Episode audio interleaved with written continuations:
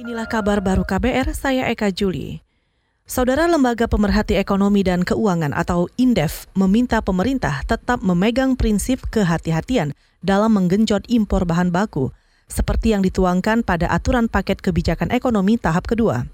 Direktur Eksekutif INDEF Tauhid Ahmad khawatir paket kebijakan ekonomi tahap kedua bisa menjadi celah hukum bagi importir untuk mengambil keuntungan di tengah situasi kurang menggembirakan di tengah krisis COVID-19 atau virus corona. Tidak mengurangi ajas kehati-hatian dalam melakukan impor, misalnya soal standar quality, perlindungan terhadap produsen lokal, kan tidak juga uh, semua dibebaskan tapi sebenarnya ada produsen lokal yang bisa mengisi celah itu begitu. Misalnya kita impor bahan baku di luar kebutuhan artinya kalau di luar kebutuhan kan importir bisa stok barang banyak ataupun berlebihan sehingga produsen-produsen lokal misalnya untuk elektronik atau pemasok komponen dan sebagainya bisa memproduksi tapi justru kalau importir besar-besaran. Nah ini yang menurut saya juga harus dilihat lebih detail lagi Direktur Eksekutif Indef Tauhid Ahmad mengakui Indonesia memang tidak bisa menghindari impor dari Cina untuk sejumlah komoditas seperti bawang putih, buah-buahan,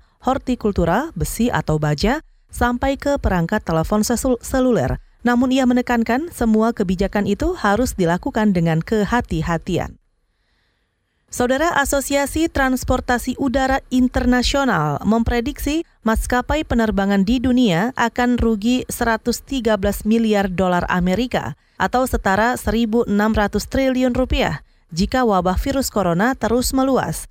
Dikutip dari CNN, asosiasi ini mengungkapkan maskapai penerbangan bisa kehilangan 19 persen dari bisnis mereka jika penyebaran virus corona tidak segera berhenti.